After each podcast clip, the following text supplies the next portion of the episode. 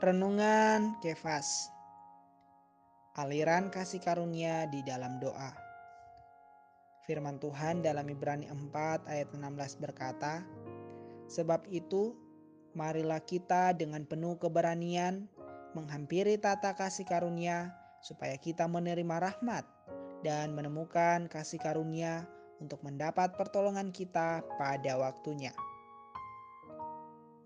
Apa yang terjadi jika handphone kita kehabisan baterai? Masih bisakah kita menggunakannya?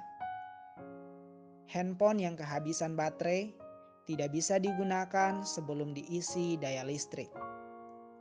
Pada saat pengisian daya dilakukan, maka terjadi pengaliran arus listrik ke dalam handphone, sehingga kita bisa menggunakannya kembali rahmat dan kasih karunia dari surga, tata kasih karunia akan mengalir ke dalam kita seperti arus listrik mengisi daya baterai.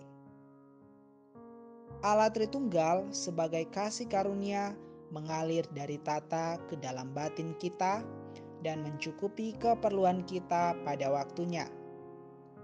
Inilah yang terjadi ketika kita datang kepada Tuhan di dalam doa. Kelemahan orang Kristen hari ini disebabkan karena kekurangan transmisi aliran sorgawi. Karena mereka kurang berdoa, maka mereka kurang bisa menikmati kasih karunia. Kehidupan seorang Kristen seharusnya menikmati kasih karunia Allah yang begitu kaya. Pada saat kita berdoa, saat itu pula kita menerima energi dan tenaga surgawi.